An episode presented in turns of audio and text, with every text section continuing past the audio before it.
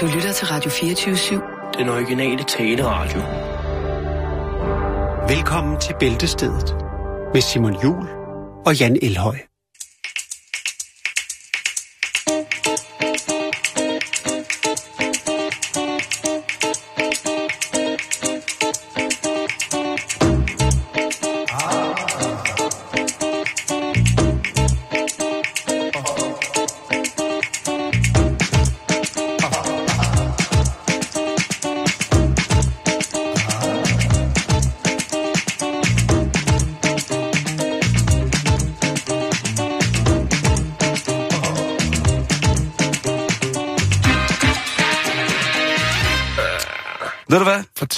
Har set en verdensrekord blive slået. Okay. Slut. En mand, der hoppede højt på ski. Ja. Det var, øh, det var craziness. Det synes jeg, hvad jeg har berette. Jeg har brugt min tid i øh, Italien, i et, skiområde, som hedder Vatles, som er en del af Sit Tirol. Derfor troede jeg, at jeg var i Tyskland. Ja. Er du godt klar hvor pinligt det var? Ja, jeg troede, at det, er jeg har ikke styr på det. en Jeg har ikke styr på En det. international star, traveling the world, så siger hvad så Aalborg? Så står du på Hawaii. øh, jamen, sådan er det, Simon. Du lever livet. Ja, men det er du lever livet rigtigt. Ja, der er smæk det- på, der er smæk på, der er smæk på. skrækkeligt, jeg diskuterede øh, religionseksistentialisme med min gode ven David, som var ham, der slog verdensrekorden. Det var meget, meget vildt og crazy, det hele. Ja. Men det var ret sindssygt, og at jeg kører en bil, hvor vi så kører op af, af bjerget, op til det skiarrangement, jeg skal spille til. Og så råber jeg så ud af vinduet, fordi jeg er glad, og det er smukt, og det er godt vejr, så råber jeg, What's up, Germany? Så er der helt stille i bilen. Og så siger Joni, min fantastiske gode ven fra, fra Innsbruck, han siger, "Øh, Simon, but why are you saying Germany? Because we are in Italy. Og så, så var jeg jo også bare... Jeg havde jo sat danke schön til de søde damer på hotellet, ikke? Det er altså... Jo, jo, men så tror de jo bare, du er tysker jo. De snakker jo tysk. Ja, det meget, gør de jo. i verden der er. Så Det det, er om sindssygt. Altså, de snakker, de snakker Tirol.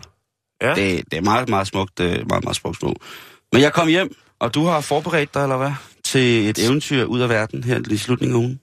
ja. Nu er det, der, der er det jo dig, der bliver... Eller der bliver vi jo begge to international players. Jo, jamen, altså, det, det ved jeg ikke. Man skal jo ikke sidde og... Det ved jeg ikke. Så kan vi komme i gang med programmet. Kedeligt, ikke? Og det er ikke et kedeligt svar. Det har du fortjent. Ja, tak. tak. Det vil jeg sige. Jeg sidder lige og tænker, om der er noget, der er sådan... Nej. Du kan jo tænke over det, mens jeg bringer den første nyhed på, Jan. Ja, gør det. Fordi at vi skal til at snakke... Vi kommer jo ind i den her i foråret, og det er jo her, der begynder at spire en masse ting. Det er jo her, man skal ud og sat øh, de store, øh, kæmpe store hashplanter i sine altankasser. Det er nu, man skal have de kødædende planter uden for soveværelset osv. osv. Det er nu, at det hele starter med at kilde. Og noget bliver større og større. Og New Zealand, selvom det ikke er, hvad kan man sige, inden for samme sæsonomgang, som vi har, så har de det altså going on. Vi skal selvfølgelig til græskarnyt. Vi har jo tidligere programmet beskæftiget os med kæmpe, kæmpe store græskar. Ja, det er rigtigt. Og, Verdens øh, største, faktisk. Lige præcis. Og øh, nu øh, har vores brød, Og brødre... der var også... Åh, oh, den kom jeg lige i tanke om, ja. nu du siger græskar. Kan du huske den der historie, vi havde om øh, ham der, der sejlede øh, den længste tur i et græskar? Ja, Kommer lige i tanke om. Det- ja, vi har faktisk haft en del om vi, græskar. øh, vi er glade for græskar. Det er jo, Jo, og jo, det er en dejlig, dejlig ting. Men nu er New Zealands allerstørste græskar blevet fundet. Og det er blevet, øh, det er blevet passet og plejet i byen, der hedder Morrinsville øh, Waikato.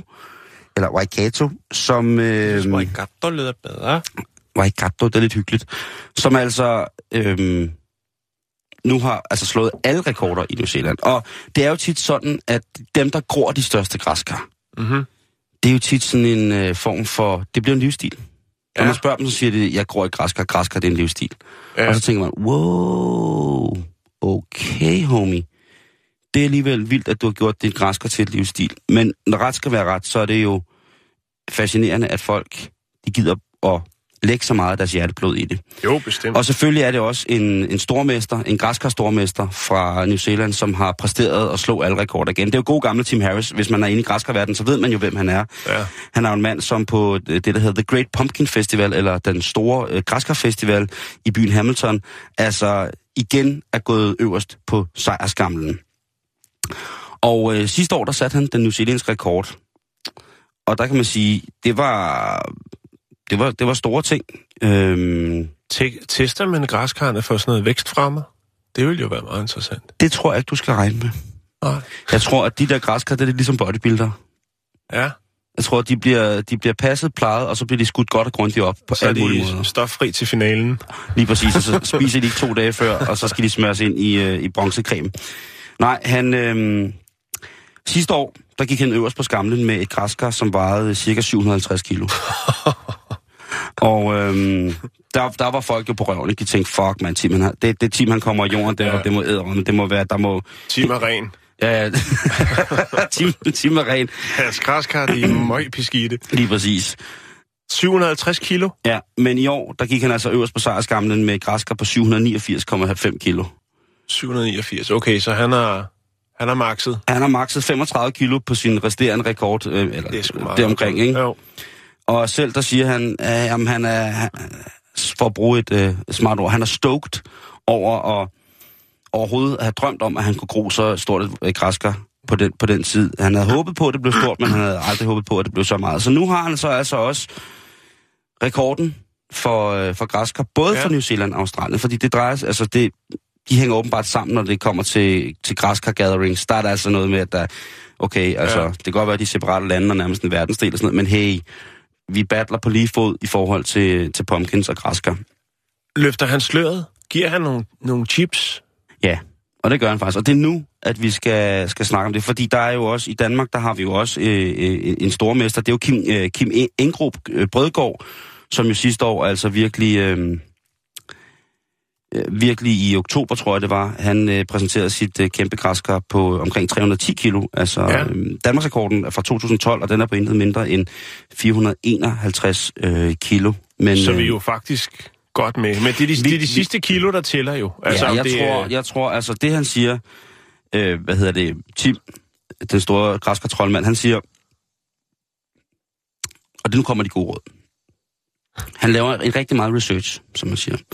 Han er nede med rigtig mange græskarforums, græskarblogs, hvor han diskuterer med græskaravlere fra hele verden om, hvordan de kan maksimere det her ene græskar, deres præmie græskar, ikke? Mm. Det er jo det, de gør. Og han siger, øh, det at få det rigtige frø, det er alfa og omega. Ja. Altså, den rigtige græskarkerne, det er det, som kan give øh, det store voldgræskar. Og så skal det have masser af vand.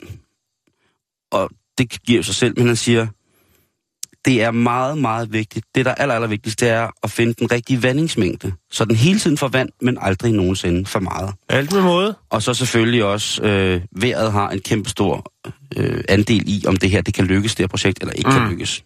Så har han også nogle andre øh, hemmeligheder. Dem vil han ikke fortælle om.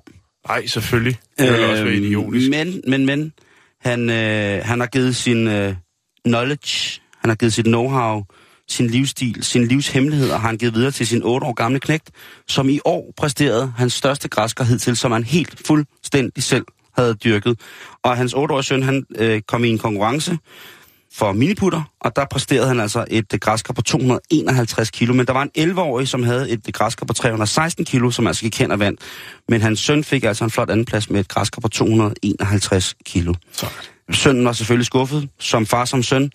Hvis man taber sin græskar konkurrence, så har du ikke øh, ydet det, du skulle. Fordi Nej. det sydende, så har du ikke øh, taget nok på i vægt. Kommer man ikke mere på ferie? Øhm, så lige præcis, så skal man bare være derhjemme og passe sit græskar.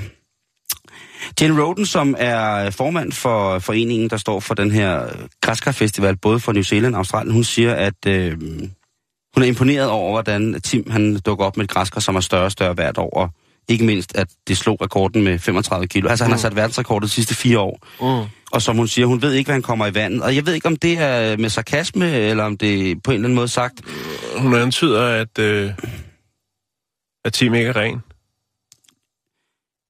Jeg ved det ikke. Ej, Jamen, det kan øh, tolkes på mange måder. Ja. Ja. Der var over 1000... Misundelse er en grim ting. Ja, der var over 1000 tilskuere til det store øh, arrangement, som forløb i god ro og orden. Der var ingen øh, clashes mellem kla- græskarklaner. Alt, øh, øh, hvad hedder det, var åndet ro og fred. Og så siger, så spørger øh, en journalist, øh, fandt selvfølgelig et interview på internettet, øh, et tv-interview, hvor at den gode Jenny, hun bliver spurgt om, hvorfor øh, er det lige præcis, du er så vild med græsker? Og der siger hun så, og det ved jeg ikke, om det er seksuelt implicit, men der siger hun altså, at hun har aldrig set en, en hvad hedder det, en gulerod på 780 kilo. Så derfor så synes hun, græsker er federe. Fedt. Du skal selvfølgelig holde øje øh, med, hvordan det forløber sig med Danmarks største græsker. Det ligger jo øh, som en stor event i Tivoli. Ja, sige. det er rigtigt. Det er en Øhm, tradition i Tivoli. Vi må se, hvad der sker, fordi at Nina Tin fra Mørke, hun var øh, god med et græskar på 247 kilo sidste år, og på tredjepladsen der kom øh, Oscar Andreas Lund fra Jørgen med et græskar på 266,8 kilo. Og der er selvfølgelig langt... vildt ikke at køre fra, fra Jøring med et kæmpe græsker bag på, øh, på traileren, Ja, eller, hvis, hvis, og så køre ind til Tivoli via parkering og så lige rulle, øh, Der er rulle det med- græskar op på scenen. der må jeg sige, der er kan måske nemmere betale sig at tage toget. Det kan aldrig betale sig. Det har jeg på. Jeg var i... Øh, Så, jeg, nu- altså, jeg var i øh, Aarhus. og Vi du, er var først, to du er mennesker. først kommet hjem. Nej, vi var to mennesker, og det blev 1600 kroner. Det kan... What? Det hænger ikke sammen i min verden. Det er for dyrt. Jeg ved godt, og det ved godt, Havde I købt en hel kopi for jer selv? Nej, gud havde vi ej. Vi har købt pladsbillet. Det er det eneste. Og så bare billet. Men de, det er en anden snak. Jeg hader DSB. Jeg synes, det er noget pis. Det skal privatiseres eller effektiviseres. Jeg siger det bare, men det er en anden snak. Prøv at. Det er noget pis, ligesom Post Danmark. Nu bliver jeg sur. Tak, sure, vil lige, øh, sure gamle Jan. Så smider du virkelighedens ja. Ja. realiteter i hovedet på mig. Cucurbita Maxima, altså kæmpe græskar. Jeg lægger lige et link op til øh, kæmpegræskar.dk, hvor man kan få råd og tips og se rekorder og den slags. Fantastisk.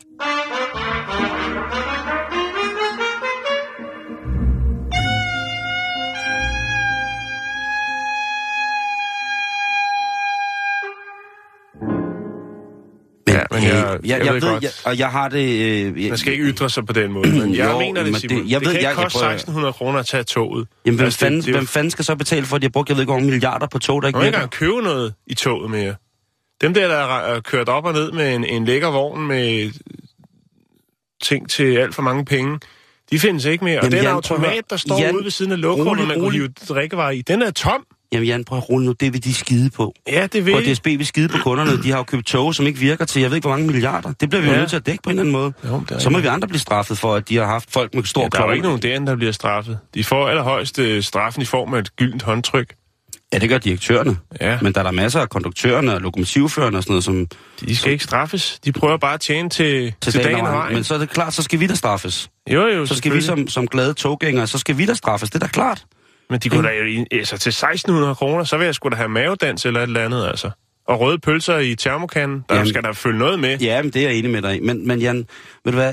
Dem, der sidder øverst i DSB, de er fucking ligeglade. De hader os, og de vil give en fuck for os. De er jo bare... Altså, jamen, jamen, Jan... Sikke en drejning.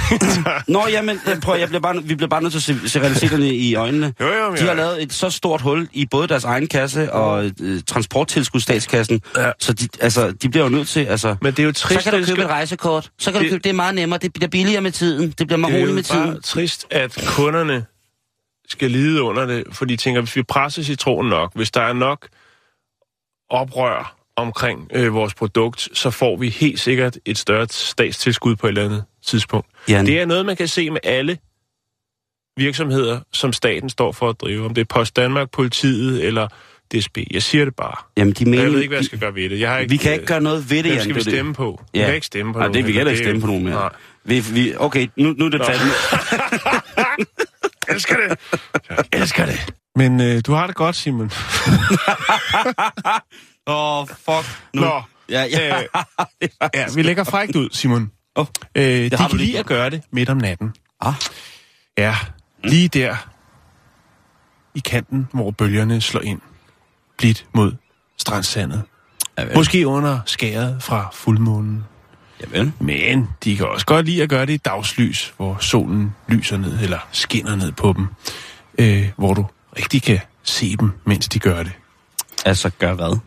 Ja. Vi skal snakke om et... Øh, en ting, der er temmelig vital for økosystemet, men også for os mennesker. Et dyr, som har 445 millioner år på banen. Det er dronning Margrethe. Nej, Nå, det er det ikke. Det var, det var næsten for nemt, Simon. undskyld. Ja, det var det, var, det, det er fint nok. Du kan sige undskyld, når du møder hende nede i grøften her senere. Hun har karantæne. vi skal snakke om en krabbe, som En hedder... crab? Ja, hesteskokrabben, eller dolkhalen, som den også øh, hedder. Det hedder den nok lidt mere. Den gør nemlig ligesom havskildpadderne gør. Gyder og parer sig på strandene op i sandet, og så ned øh, med æggene i, øh, i, i, øh, i sandet, ikke? Mhm. Det her tror jeg faktisk, vi havde noget om på et tidspunkt. Det var det der, hvor man lavede sådan en... Det var også i Florida. Det her det er nemlig også i Florida, hvor man lavede sådan en highway. Man lavede sådan en, en sikker gang ud.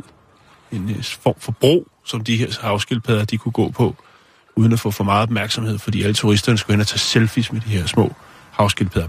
Det er en anden historie. Den har været der. Find den på podcast, hvis du sidder og tænker, hov, det vil jeg egentlig godt vide noget mere om. Mm. Den er derude et sted. Nå, men Simon, der er selvfølgelig noget. Fordi at øh, her i Florida, i USA, der øh, har man en, måske en... Man har ikke rigtig registreret, ligesom, hvad det er, der foregår med de her, øh, de her krabber. Ah. Altså, dolkhalerne. Er, er, det, er de ved at blive udryddet? Altså, men, Eller altså, hvordan? Det, man har ikke kortlagt deres, øh, deres adfærd, deres, øh, ligesom, hvor mange er der. Og det vil man gøre nu. Og det er øh, blandt andet Tiffany, Tiffany Black fra Florida Fish and Wildlife Conservation Commission, som står i spidsen for det. Og øh, de vil godt have borgernes hjælp til det her. Og det, de ønsker, det er simpelthen, hvis du går en tur på en af Floridas øh, smukke, smukke, lange kyster, og ser nogle, øh, nogle krabber, der er, har gang i den, ikke? De er i gang med at parre sig. Så skal du endelig tage et billede og dokumentere det, og også gerne stedangive, hvorhen du har observeret øh, parringen. altså dolkhaleporno. Dolk, hale, strandporno. Åh, oh, det er gift Ja. Du skal rapportere det, men ikke fordi du føler dig blodfærdighedskrænket, men fordi at øh, de godt vil prøve at kortlægge, hvad omfanget ligesom er af øh, parringen. Og måske skal du lige også sige, at øh, det ved jeg ikke, om jeg, jeg lige må sige, men det, altså folk, når du siger krabbe, så tænker folk jo en krabbe med to klør. Ja. Det, det er jo bestemt ikke sådan, det ser ud. Nej, overhovedet Øh. Det er jo en frisbee med hale. ja. Det ligner jo lidt sådan en robotstøvsuger, Jo. med, hvor ledningen er blevet kortet af på et tidspunkt, ikke? Jo, det er en ret speciel skabning. Ja, det er jo en blanding mellem æderkop og et skalddyr, faktisk. Ja. øh, men det er stadigvæk jo også et forhistorisk, et vaskeægte urdyr. Og, ja, det er det. øh, Den er old school, som man siger. Det ved jeg ikke, om siger. Det kan man sige nu. Den er old school. Øhm, men hvis så putter alle de her sådan, informationer, man nu får fra borgerne, selvfølgelig også, hvad de ligesom selv kan observere, men det er jo en kyststrækning, der er forholdsvis øh, lang, så det er omfattende, og så tænker man, jamen i dag, hvor vi har smartphones, og den kan endda stedangive, når du tager billedet, øh, så kunne det måske være, at der var nogen derude, nogle naturelskere, eller bare nogle øh, strandløver, som tænker, hops, vi kan da lige dokumentere det, sende det ind til FWC, og så har vi givet en hånd med. Det synes jeg, man skal gøre. Det, jeg synes, det, er- det er ret godt tænkt, og jeg er sikker sige. på, at der er mange, øhm, der vil st- støtte op om projektet. Man mener jo, ud fra observationer, man har gjort, at der måske er, øh, altså, der nok er lidt problemer, når det kommer til, til dolkhanen her, fordi at øh, der er jo krabbefiskeri, de kan jo godt lide, altså i bedste bubber, for at run for, øh, hvad hedder den, øh, Forrest Gump, så kan de jo godt lide en god krabbe, ikke? Og øh, jeg ved ikke, om den indgår her, men i hvert fald så er der smæk på krabbefiskeriet. Og grunden til, Simon, at man ligesom vil have dokumenteret bestanden af dolkhaler, det er der faktisk selvfølgelig også, og sådan er vi mennesker jo. Det er der selvfølgelig også nogle andre faktorer til. Og hvad er det så lige, at det er? Vi skal fortælle dig. Det er nemlig det, at de her dolkhaler, de har et unikt sådan et koverbaseret sådan blåt blod ind i deres krop Mm-hmm. under skjoldet, som anvendes til at teste øh, steri- sterilt øh, medicinsk udstyr og alle intravenøse øh, lægemidler. Det kan altså gøre noget for os mennesker, og derfor så er det måske derfor, der er så meget fokus på det. Det virker lidt som om, at lige så snart der er et dyr, som, som vi kan bruge til noget, tænker på, hvor mange uddøde arter der er, og troede dyrearter der er, mm. hvor der ikke er så meget fokus på det. For eksempel, det, var det det hvide næsehorn, ja. Som nu har bodyguard. Det er jo også kun fordi, der er en tilbage, og så er nogen, der tænkt, ah, så må vi måske lige sørge for, at den ikke øh, bliver banket ned af nogle snigskytter. og det, sådan er det også med, med, med de her dolkhaler. Øh, jeg tror, der er tre arter eller fire arter, og de er alle sammen helt vildt sindssygt troede. Mhm. Øh, og de er noget af det smukkeste at se øh, svømme, fordi de, de nærmest de hopper. De er sådan en blanding med, at de skyder sig op fra bunden med halen, og så hopper de sådan. Mhm. Det ser ret sindssygt ud. Øh, derudover så har de jo det her fantastiske immunforsvar, dolkhaler. Det hænger sikkert også sammen med det blå blod, ikke? Jo, jo, og, og det, at det er så gammelt et, et, et, et dyr, præcis. ikke? Altså, De har simpelthen et øh, immunforsvar, som gør, som hvis der kommer en fremmed bakterie eller organisme ind i kroppen på dem, så vil, dans, øh, vil blodbanerne i selve dyret danne en form for gelé rundt omkring, øh, eller sådan en form for kar- kappe omkring mm-hmm. de her dyr, tror jeg nok, der er. Og derved udskilt og slå det ihjel, eller sådan, så at sige kvæle det. Det er jo ret interessant for rigtig, rigtig mange mennesker, så, så selvfølgelig som alt andet, der har, været- har bestået i så mange år, så har øh, medicinalindustrien selvfølgelig en interesse i, hvordan og hvorledes, at man kan skille de her dyr ad på så mange måder, at man finder ud af, hvorfor mm. de har bestået så lang tid, uden ligesom at understå sig de forfærdelige industrielle indgreb, som, øh, som jo har Ja. været på deres habitater. Ikke? stoffet, det, som de har, som de besidder, som er det, som vi kan bruge, Mm. det bliver faktisk øh, under forkortelsen LAL, men det er så noget, der hedder limulus arboxylysat, eller noget i den. Øh, og det er så den, øh, den Amobysité, lisat, tror jeg, det hedder. Ja, det kan sgu the godt være. Det er Ja, fuldstændig ligegyldigt. Det er du får 13-tal herfra med pil opad og, og det hele.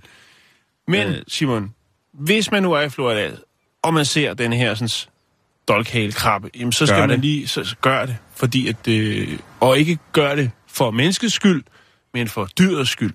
Fordi der skal fokus på det. En anden ting, det er jo så en anden trussel, og det er så også igen mennesker, der tror, ud over krabbefiskeriet, så er det også øh, de her sådan, øh, de her store øh, kraftvarmeværker, som der ligger, som har nogle ret store udledninger af, af, ja. af vand. Og Ja, der, der, ryger, der ryger de altså også ind i de der filtre, og der har man jo så kunne konstatere, at det er også en kæmpe trussel, at, fordi når alt det her vand bliver hævet ind og ud, jamen så øh, ryger der altså en hel del krabber med ind. Ja. Så der skal filter på. Okay. Ja, jeg synes også, at øh, de, de fortjener at leve videre. Jeg synes, når de har klaret sig i så mange år, Ja. så fortjener jeg, så, så synes jeg altså, man har bevist, at man, man er værdig til at, at, at være her, ikke? Altså, Bestemt. man har været her så, i så mange flere år, end hvad vi har været her, også Mm. mm. dumme mennesker. Så synes jeg sgu, ah, ved du hvad, så er det sgu fair nok at give dem... Og de er en øh, vigtig del af økosystemet. Det er jo der, rigtigt. Fordi at de nemlig også, øh, at der er kystfugle, som lever af krabbeæggene. Blandt andet den, der hedder Red Knot. Og, øh, og hvis de ikke kan få deres krabbeæg, jamen øh, så er de jo også troet. Mm. Og sådan er det jo Ja. med det system. Det hele det går op i en højere enhed, og, og det er jo faktisk kun øh, mennesket stort set. Også naturen til tider, men mennesket, vi, jeg skal da love for, at vi får, får bollet økosystemet øh, godt og grundigt. Som du dog kan sige det. Ja. Lægger du ikke et dejligt billede op af en smuk dolkhale? Jo, det kan du da bande på, jeg gør. Super. 바 아우 배고파 배고파. 차가 없어.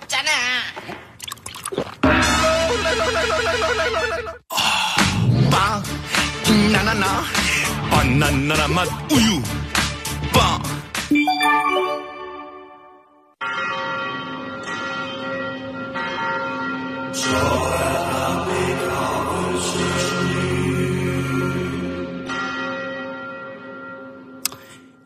og det skal jo ligge på en onsdag, at vi bringer lidt øh, begravelsesnyt. Fordi nu er kineserne i den grad en spiller på banen i at pimpe begravelser, Jan. Ja. Vi må jo ud fra vores fakta omkring pimpet begravelser konstatere, at Puerto Rico jo i mange øh, ja år, generelt Sydamerika har jo Generelt. været virkelig gode til at, at gøre noget ekstra ud af det. lige præcis, de har, Den sidste et, øh, tur. de har Sidste med rejse. et, et forhold til døden og med en, en tradition, så har de jo altså formået på mange måder at holde fanen virkelig, virkelig højt. Amerikanerne har jo fulgt med på nogenlunde samme vilkår, men ikke i helt så ekstrem kreativ og smuk stil som Nej. sydamerikanerne. Nej. Men nu, selvfølgelig, der har kineserne også meldt sig ind i kapløbet om at pimpe begravelser. For de har jo også et eller andet med begravelser, ikke? Det har de da 100%. Altså, i alle lande, så har der jo selvfølgelig været traditioner for, at det bedre borgerskab, de kongelige og de åndelige, dem helt tæt på himlen og ånderne, jo har Mm. fået mausoleumbegravelser, altså store statsmandsbegravelser, som skulle tilses af alle borgere, og hvis man ikke gjorde det, så var man imod systemet, og så tog hejskat ellers de lov for, at så gik lortet ned omkring ørerne på en. Mm. Men Longhua, øh, som er et, øh, et begravelsesfirma baseret i Shanghai, Mhm. de er nu gået i gang med at bruge meget, meget avanceret 3D-printning til, hvad hedder det, til at lave reservedele til folk. Hvis man nu for eksempel er, er, er, er væltet på en knallert og så uheldigvis kommet af dage den vej, måske har, har ødelagt en Skravet kinden hen mod skravet kinden eller knækket, ja. knækket tanden, jamen så kan det her firma nu tilbyde, at hvis man gerne vil begraves i åben kirste, kiste, Kir- kirsten, kirsten. hvis man gerne vil begraves i åben kirsten, Ja. så kan man altså øh, lige få rettet op på skaderne. grøften, du skal det. Hvad siger du? Ja. Så kan, Ja, okay. Det var måske. og du siger, at jeg laver nogle nemme nogen. Ja, okay. Og for satan. Øh, kun ved Søren filmer. I hvert fald, så kan det her jo altså rette op på nogle forskellige skader. Men derudover, Jan, så siger en repræsentant for begravelsesfirmaet, ja. Ja. øh, bedemandsfirmaet, siger også, i virkeligheden så kan det også få folk til at se meget yngre ud. det er meget, meget svært for, øhm, øh, for, for de relative at se, eller for relationerne, for de søde mennesker, som øh, er tæt på det her afkommende menneske, døde, Ja. og se dem være gået i stykker. Jo. Man skal ikke se sine afdøde slægtninge med... Før i tiden har, vel, har, har de vel skulle bedemændene være ærlige og sige, der er ikke mulighed for åben kiste, grundet øh, omstændighederne. Ja. Ja, og, øhm, og det er der så nu. det er der så nu, hvor man altså virkelig kan få, få pyntet op på ting. Nu havde vi jo den her historie sidste uge, hvor at der var en, øh, et, et bede, hvad hedder det, et krematorium, der var kommet til at brænde den forkerte mormor. Ja. Og da hun Det så skulle ligge i åben... Åh, ja, det var noget rod. Og da hun så lå i åben kiste der, så begyndte folk sådan at tænke... Og kigge ud igennem tårnet og tænke, det er sgu ikke momse, det der. Og, Og der kunne man jo for eksempel måske, hvis det er så godt, som de siger, så kunne man jo have og lavet... lige råbe for baglokalet, øjeblik, og så lige Ja, ja, printe momse. skal- Kan I lige, kan I lige printe momse? Ja. Og så havde det ligesom måske været, været lidt nemmere at overkomme. Så, så man kan faktisk nu i testamentet skrive, hvem vil godt vil begraves som... Altså hvis nu siger, jeg vil godt begraves som Lionel Richie. Det er lige det, jeg tænker på. Det har jeg faktisk, det, det er lige præcis det, og der, det synes jeg, vi skal snakke lidt om. Det der med, hvem vil man gerne... Nu siger du, du gerne vil begrave som Lionel Richie. Altså, det ville fandme også være mærkeligt. Nej, Altså, hvis jeg Ikke lå hvis jeg- der hvis- i åben kiste, og så mine børn skulle stå og kigge på... Lionel Richie. mit sidste ønske var, at jeg ville... øh, At der bare kørte Brickhouse ned for kisten. Ja, prøv at du vil... Hvis det var dit sidste ønske, jeg vil respektere dig. Jeg vil selvfølgelig også stå ved din Mens der kiste. kører der. Dancing on the Ceiling. Og... Ja, lige præcis. Hello. Altså, jeg, jeg, tænker, jeg tænker, at hvis det er dit sidste ønske, så vil jeg respektere dig. Jeg vil, Jo, jo, jo. jeg vil ikke sørge mindre, eller synes, det var mærkeligt. Jeg vil, jeg, jeg vil, øh, men jeg vil, jeg vil tænke, at det var fandme frisk at tage en Lionel Richie. Altså, ung eller ældre. Det skal være den unge, det skal være den, der har det der, det der soul glow hår der. Kæmpe stor afro og mega det er råskæg. hello, Det er tror hello. jeg. Øh, jeg havde klart taget prinsesse Diana. Ja. ja. Jeg tænker, Kurt Thorsen kunne også være meget fin. Til mig, fordi jeg er lille. Nå, nå det var jeg tænkte på mig selv, men... Det vil være mærkeligt. Der vil, det, Ja. ja. det vil også, det, men Jamen, der, så- der er mere på Lionel Richie.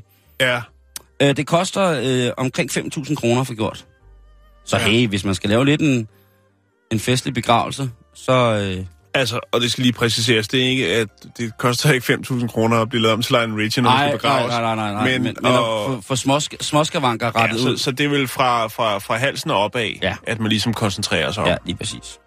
Øh, men i hvert fald, så, øh, så er de altså klar til at tage imod dig, når det er, at du Ja. ikke øh, skal vandre på denne jord som, øh, som rent fysisk, men derimod skal rejse videre i... Øh, rejse videre i ånderiget. Og øh, vi bliver sgu i Kina, Jan, fordi de, har, de, de stepper jo op øh, virkelig nu med, med begravelser og nærdødsoplevelser. Ikke Om det er nærdødsoplevelser, men i hvert fald så har de jo nu lavet en, hvad hedder det, en krematoriesimulator. Man kan blive kremeret og født igen. Ja. Ja, jeg vil, jeg vil lige lægge det op på, øh, på, på vores Facebook. det har det jo også, øh, det har der været en, en del om, der ligger på YouTube, den kan godt ligge hvis det er, op, hvis det er, øh, for Vejsag, en dokumentar om nogen, som bliver begravet om aftenen, og så... Øh, Ja. ja Men det er bare måske lige også for at ligge, omstændigt. og ligge og få noget ro nede i en kiste, og så kommer de op, og så er det hele. Det virker også så omstændigt. Ja, det gør Ja, der kan man altså køre igennem sådan en, en, en tunnel, Ja, og så bliver man presset ud igennem noget latex, hvilket altså vil, øh, simu- der bliver, døden bliver simuleret ved krematorieilden, og så vil genfødslen blive øh, hvad hedder det, symboliseret ved, at man presser sig ud igennem en stram latexdu, eller et latexlag, Ja. øh, som så øh, måske skal symbolisere fødslen, ikke? jo. Og det er jo noget, man tænker, ah, er det nu også så fedt det her? Og nej, det er jo ikke en forlystelse. Det er, jo ikke, det er jo ikke en ting, man skal have som solarie derhjemme. Eller noget. det her, Det, det, kunne er, det godt blive i Japan. Altså, hvis man tænker på det der øh, pøllemuseum, vi snakker om, ikke, hvor du får en pølsehat på, og så rutscher ned igennem et stort toilet. Ja, det kunne godt være. Altså, så man ved aldrig, om den der, den Men Japan, også- Japan og Finland, det er uden for landsret og lov. Øhm, og det her, det er et, et maskineri, som skal kunne sætte debatten i gang inden i folk omkring, hvorvidt deres liv er det, de gerne vil have, det skal være. Okay, tungt. Ja, så, så vi er jo ude i noget, noget, Tid til selvindsigt. noget filosofisk. Ja. Øh, man kan jo sige meget om kineserne, men igennem mange, mange tusind år, så har de jo altså præsteret at have nogle ret voldsomme filosofer, som ligesom har beskrevet mm. øh, livet og døden og funderet over det gode, det onde, og yin og yang, og jeg skal æderrømme komme efter dig. Så tydeligvis er det her en versionering af, af hvordan at den enkelte kineser kan få lov til at lige tænke sig over, tænke over, hvordan livet egentlig hænger sammen. Har det hængt sammen indtil videre? Ja. Ja. Skal det videre? Eller er det her en genfødsel og en start på ny? Men hvor skal man tænke sig om? Er det bare igennem, øh, Ej, igennem nej, maskineriet? Nej, nej, nej, nej, Jan. Det, eller er der noget før og noget efter, det her, det er hvor jo... man øh, kommer ud og får et... Nej, øh, det her, det handler om, at de bare skal igennem processen. Altså okay. først skal de brændes, og så skal de fødes igen. Ja, Og derefter, så skal de så gå i gang med processen selv. Der er ikke nogen, der ligesom hjælper dem eller noget. der fire... Men der er flere grupper, som mødes og gør det her et par gange om ugen. Bliver brændt og født igen, og så, derudover, og så derudfra tager udgangspunkt i en debat om deres egen øh, eksistens. Mm. Deres, altså, det er vel et... Hvor man så et for- diplom, når man er blevet brændt og genfødt. Nej, 10 men øh, ja, nå, nej, du får en, øh, du får sådan en, øh, en kop, øh, kop te. jeg ved det ikke. Jeg ved det ikke. Øh, og det skulle efterhånden også være en ret bekostelig affære at lave, så det er selvfølgelig kun Ja. De mere velbeslåede kinesere, måske den nye kinesiske mellemklasse, som kan befordre ligesom Jo. at komme ind i lige præcis det her. Ikke? ja, det er mærkeligt. Det er meget mærkeligt.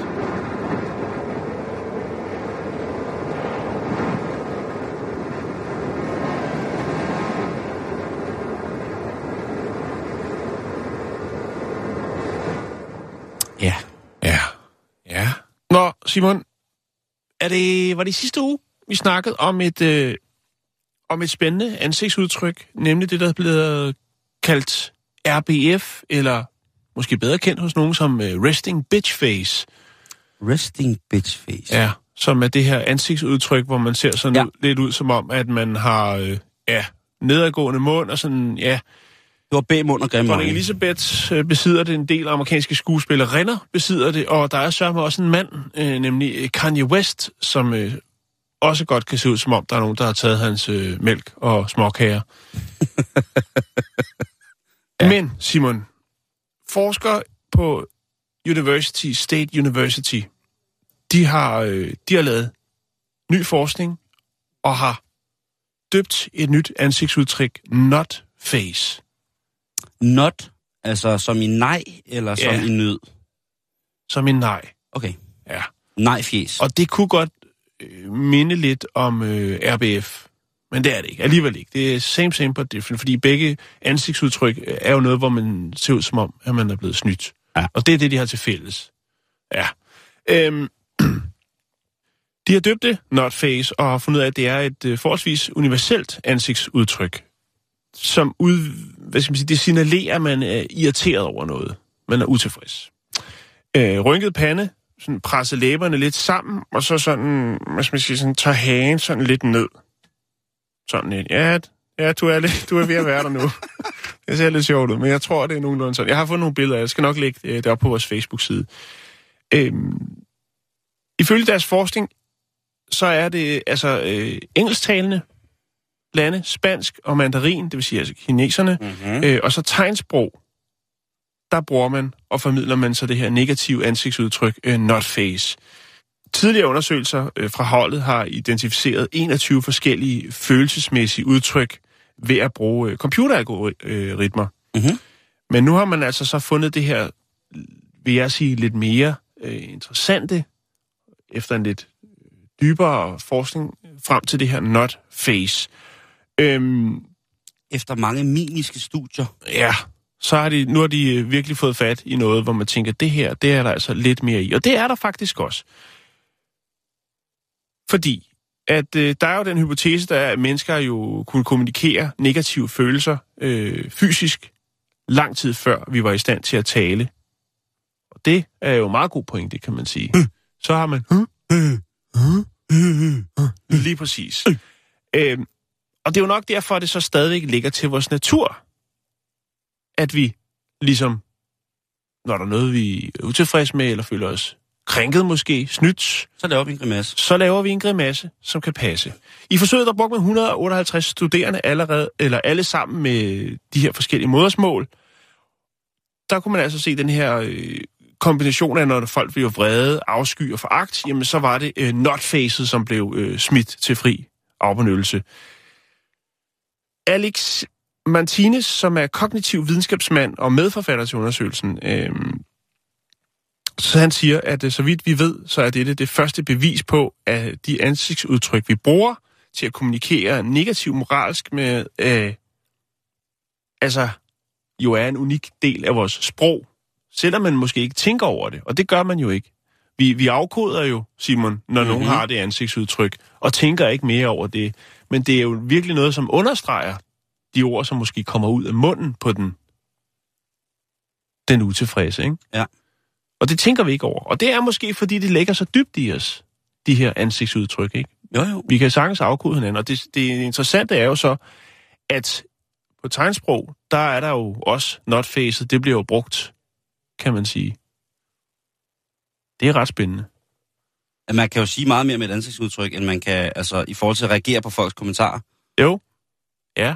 Altså, bare det der med at række tunge, for eksempel. ikke? Det, det synes jeg jo stadig er, er, er, er, er noget helt fantastisk, ikke? Ja, men det passer sgu bedst til børn. Det, det er meget mærkeligt, når voksne mennesker rejser, rækker tunge i trafikken, for eksempel. Er det? Ja, det er det virkelig. Jeg synes, det er omtrent lige så flot som... Særligt, der kommer lyd på.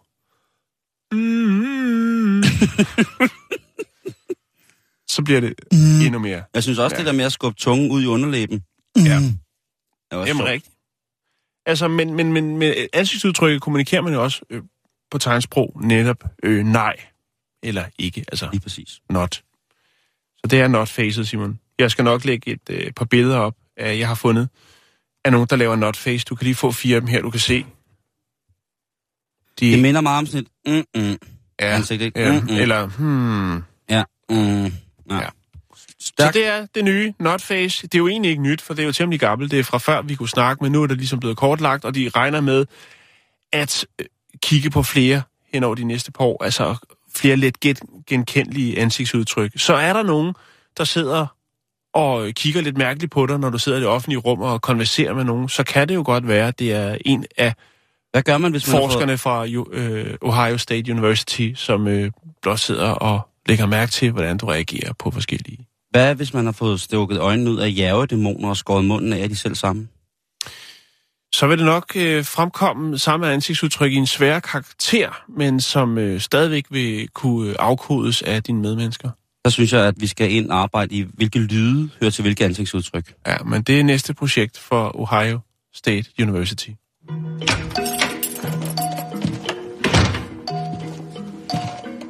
Der står ni fiskere indspiller en erotisk film. Hjemme hos dig.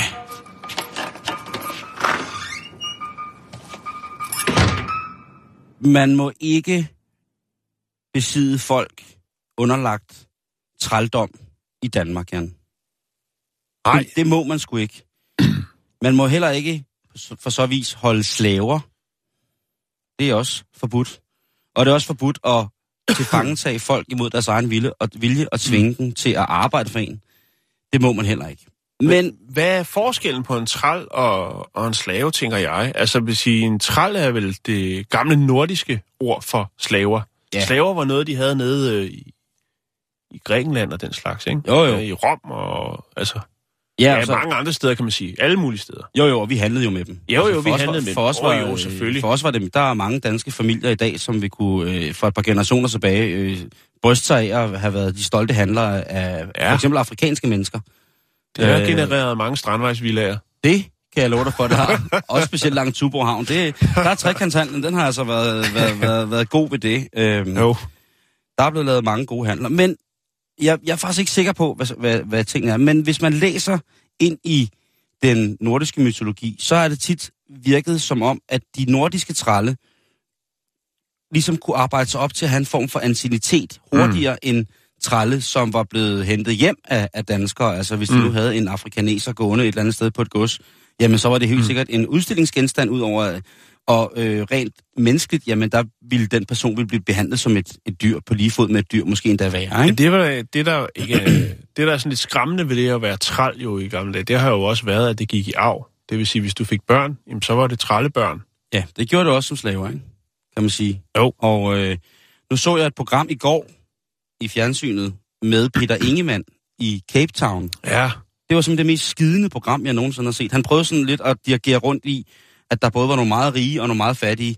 ja. Øh, men ja, og så jeg kan jo selvfølgelig... ellers godt lide Peter Ingemann, men altså hvis... Ja, men det hvis, kan, jeg, det kan jeg tydeligt også godt, men der, det var simpelthen, det er jo en by, jeg har så meget havde kærlighed til, den der by. Jo. Og der var han simpelthen den mest skidende berøringsangste vært, jeg nogensinde har set i fjernsynet. Jo, Normalt, i, bag, i, den store bag, i den store bagdyst, du, der, der, var han altså, der var han altså bedre end Tim, det synes jeg på mange punkter. Men, Ja. øh, men øh, nej, i Sydafrika, jo der var han altså... smagssag. Ja, ja. Men det, Men- og det var men- bare lige i går. Han, jeg, er god, jeg er glad for ham igen i dag. Det er slet Nå, ikke det. okay. Det var bare i går, hvor så jeg synes tænkte, jeg lige, du skal kigge forbi hans Facebook-side og give hans uh, seneste opdatering et like, bare lige for at vise, at hvad han, hvad har han sagt? Jeg Jeg følger ham ikke. ikke. Okay. Jeg ved ikke slet ikke, men... Nå, men i England, Jan, der ja. er der åbenbart, der var der en mand, som har set lidt anderledes på tingenes tilstand i dag, ja. i Ja. forhold til at øh, holde tralle og slaver. Han øh, er netop nu blevet dømt for at have holdt sin kvinde i trældom. Ja. Sin kone er det rent faktisk. Jeg er gift. Øh, ja, ja, Ja. de er gift, men øh, hvad hedder det? Øh, Safras Ahmed, som er 34, han holdt sin kone som træl, og øh, i for, følge nogle kulturforskrifter, som han mener, han skulle følge, ja, ja, det har nok været religiøst, så har han altså ikke lavet hende ligesom bestå som værende et værdigt menneske. Hun har været træl hos ham. Og det har hun faktisk fundet sig i. Jeg er ikke sikker ja. På, om øh, hvad det er for en... Det er der mange for, kvinder, der gør rundt omkring i verden. Det har Mm. vel været en eller anden form for lokal sharia, han har indført på egen matrikel. Jeg tror, der er lige så mange andre forskellige religioner end lige, og lovgivninger ud over sharia, men det kunne også have været Jo, sharia. jo, men det var bare... det kunne det sagtens. det var et kreativt input fra min side. Øhm, øh, de fra Pakistan, så sharia er måske i virkeligheden et rigtig, rigtig, rigtig godt bud. Det blev for meget, da han øh, tænkte, at nu lægger jeg hånd på hende, fordi hun ikke opfylder sine krav og sine huslige pligter. Så var han jo altså en af de der øh, meget, meget småt begavede, sociale angstudskudte, øh, halvalkoholiserede, sikkert også pædofile typer, som slår kvinder. Og altså, der blev det så nok for, øh, for hans kone, og hun tog øh, til politiet og sagde, prøv at høre, øh, hun hedder Iram, og hun er 28, og hun har en, øh, hun har faktisk en master degree, hun er ved at studere færdig i øh, islamiske studier. Så øh, hun... Så øh, han, han har givet hende lov til at gebærde sig og få en uddannelse og sådan noget. Det er jo trods alt meget i forhold til... Og det er også det, jeg mener. Andre Det, steder. det, det, er jo det, at det, det, han siger. Det har ikke på noget tidspunkt været slaveforhold. Det har været træl. Fordi hun har haft lov til at uddanne sig, og hun har haft lov til at... Altså, når man læser de her gamle nordiske mytolo- mytologiske, så har de jo taget træl. De har taget slaver med hjem, og som er blevet gjort trælle, som jo så de har offret og behandlet skidt og Mm. dårligt. Men visse trælle har de jo så også bibeholdt, fordi de synes, de kunne være vigtige i forhold til at kende, lære fjenden at kende, mm. eller der, der kunne være et eller andet krigsstrategisk, taktisk øh, moment, for at de ligesom, eller element i dem, de indhold, som de ligesom skulle have. Men at, at, siger han det? Altså bruger han ordet træl? Han et, siger, et nordisk, han, en nordisk betegnelse for, for en slave? Øh, han vil ikke på nogen måde anerkende dommen omkring, at han har holdt hende fanget imod hendes vilje. Nå. Hun har, øh, hun har giftet sig ind i noget, hun godt vidste, der var, siger han. Og så derudover så har, hun bare, har han bare bedt hende med fast hånd om at passe sine huslige pligter. Og hun har endda fået lov til at køre bil en dag om ugen og gå, i, øh, ud, gå på universitetet. Ikke? Jo. Så det går, han har været Lars, ikke? Øh, ham her idioten, han har, han har jo synes selv, at han har været rimelig Lars i forhold til, hvad, hvad, hvad hedder det, hans, øh, hans trosretning har budt ham, ikke? Jo. Men, ja, der er ikke så meget at gøre. Højesteretsdommeren spærrede ham herinde.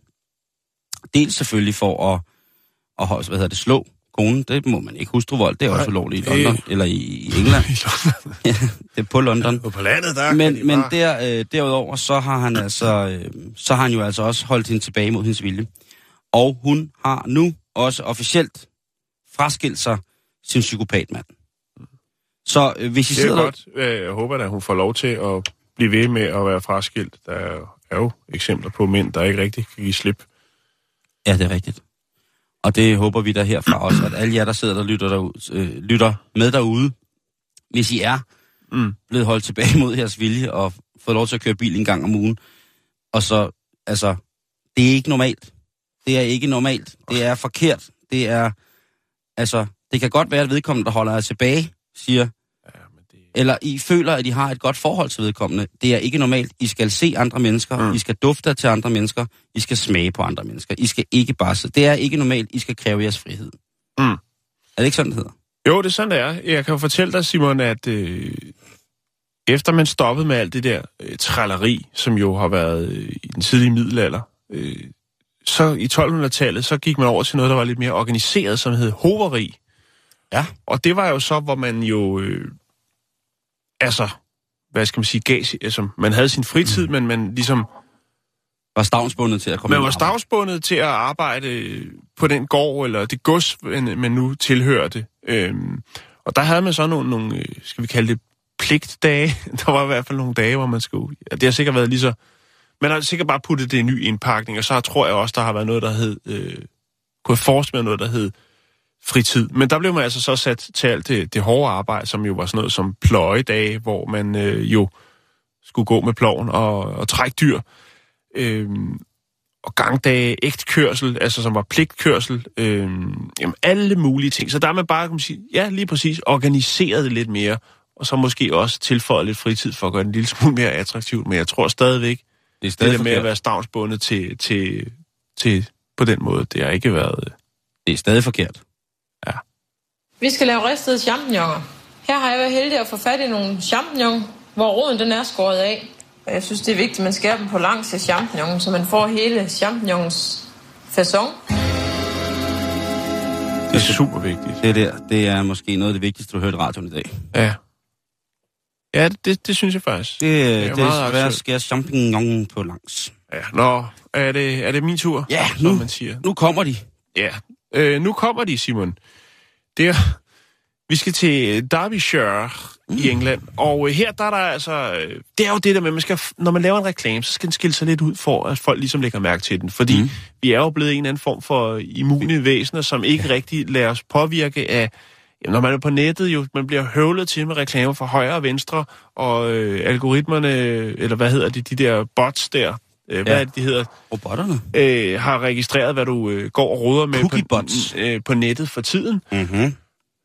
Øh, og vi er jo blevet ret immune for det. Så hvis man vil have opmærksomhed, så er man jo nødt til at skille sig lidt ud i det offentlige rum, når man har, øh, smider en reklame på. Ikke? Hvad har du for tiden på, på Åh, de der det, det ved jeg faktisk ikke. Jeg tror, det er noget med nogle... Øh, Jeg har Playstation 4. Så har jeg gamle havetraktorer. PlayStation 4. Jeg kan godt lide, at du siger PlayStation 4. Det hedder det. kan ikke bare hedde Playstation 4. Så har jeg gamle traktorer. Øh, Så har jeg en speedbåd til 28 millioner, fordi han kiggede på en jolle. Ja. Øh, hvad har jeg så mere? Jeg har noget med nogle, øh, nogle huse, øh, der kan afhentes til nedrivning. Jeg skal bruge noget træ nemlig. Ja. Øh, og så har jeg noget med nogle forholdsvis øh, billige biler. Jamen, det er vist, øh, det er vist det, som jeg har ligget rod med sidst på nettet. Nå, men i hvert fald, Simon, så er der jo ikke kun elektroniske reklamer. Vi har jo stadig de gode gamle, gamle og gamle, i hvert fald øh, i nogle lande, de her billboards, som vi jo har fået rigtig mange af efterhånden i Danmark også. Og der er der så et fitnesscenter i Derbyshire, som tænker, vi skal jo... Det må sgu godt være lidt sjovt. Og øh, så giver det sikkert også lidt mere opmærksomhed. Og der skal der i den grad love for, at det her fitnesscenter har fået lidt, måske lidt for meget, negativ opmærksomhed. Okay. Fordi at de har lavet en billboard-reklame, hvor at der står, They're coming, and they're arrive. They will take fat ones first. Det, det er ikke sjovt. Og så er der et billede af en alien og en UFO, og en mand nedenunder, der er ved at blive beamet op. Men de, Altså, men de kan ikke løfte ham. de er ved at komme, og de tager de tykke først. Og så er det jo bare om at skynde sig ned og redde sig selv i fitnesscenteret. så er man ikke en af de første.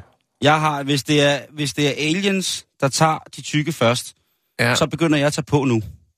Så kan jeg komme væk fra det her sted. Så kan, jeg, så kan de pode mig. Men der er, selvfølgelig, der er selvfølgelig noget mere i det, Simon, fordi at øh, Fit for Less, som, som det hedder der, de siger, jamen prøv altså, det er jo bare mundt og, og humoristisk budskab, men der er altså andre, andre øh, instanser, kan man sige, andre øh, foreninger, blandt andet noget, når det kommer til mobning, som bestemt tager afstand for det her, og der er mange af de lokale, som også er blevet ret forarvet over denne her sådan, spilbord-reklame, og siger, at det er usmageligt, Øh, der er jo altså også øh, børn, som øh, ser de her reklamer, når de går til og fra skole. Og det er jo ikke lige frem noget, der, hvad skal man sige, lægger en dæmper på øh, mobning. Det er, jo, det er jo generelt samfundsmobning, det der. Jo, jo, jo, bestemt, Det, bestemt. det- Det, og jeg, jeg, jeg skulle også dele, for jeg kan godt se, det, det er jo meget sjovt, og det har sikkert været meget sjovt nede i træningscenteret, når de har stået der med deres proteinshake og sagt, prøv at vi skal lave en ny billboard, og hvad hvis vi laver noget, eller noget med nogle aliens, og noget med, at de kommer... De tager de kommer- fede først. De tager de tykke først. Åh, kæft. Ja, Øh, det er... det er et, men jeg kan godt se, jeg kan se begge sider af sagen. Den er måske sådan lige... Jeg synes, den er lidt sjov, men man kunne måske have gjort det lidt mere elegant. Er det sådan, det hedder? Ja, det kunne man godt. Ikke, at jeg på nogen måde ved noget om øh, elegant, men øh, det, det, Hvor jeg lægger det her, den her, jeg har fundet et billede af billboarden, så lægger jeg den op, så kan man jo selv vurdere og kigge. og det er også, øh, altså, man skal ikke tage pis på aliens, fordi de kommer, Jan. Det, Det er du ret overbevist om. Det er vogn 9 her, vi kører til HK, vi har spillet kaffe i vognen. Det er vogn 9 her, vi kører til HK, vi har spillet kaffe i vognen.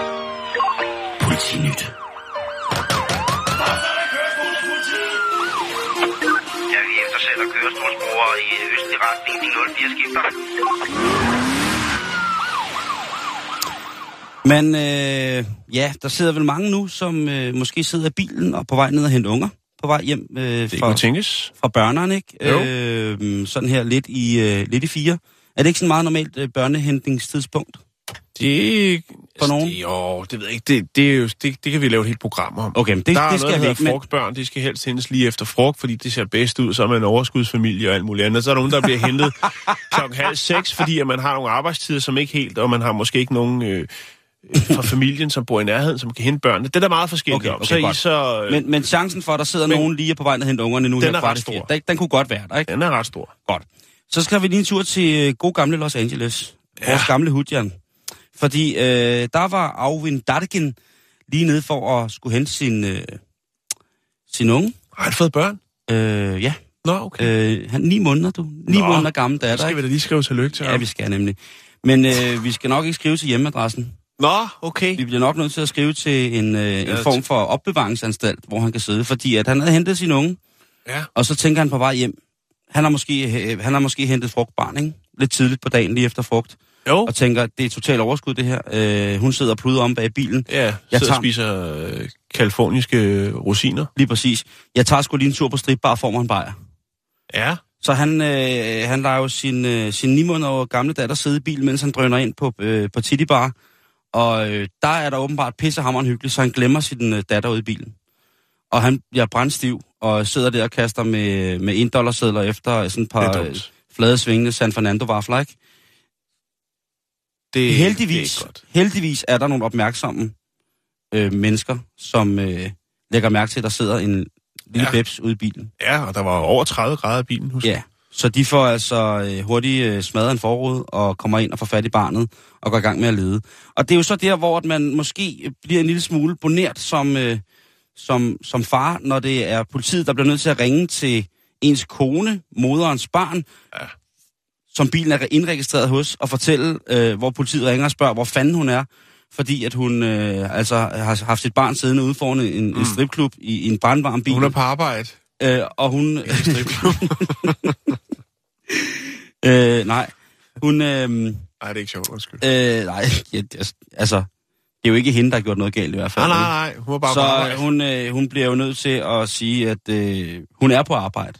Nå, okay. Og det er altså hendes mand, der har lånt bilen, eller deres bil, og ned og hente barnet.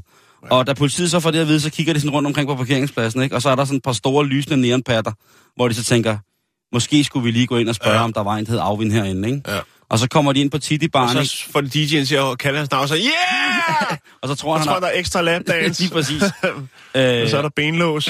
og derimod, øh, det, er- det, ja, han blev desværre, eller ikke desværre, han blev heldigvis anholdt, og øh, øh, ja. den ni måneder gamle datter, hun har det rigtig, rigtig godt i sin mors varetekst, og hun er ret overbevist om moren, om at hun ikke skal hænge så meget ud med ah, god gamle afvind selv. Han har åbenbart sin dag. Det, det, det. Jo, jo.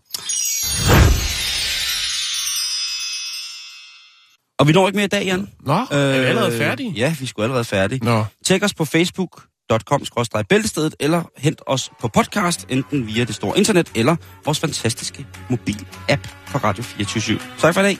God tur i grøften. Big.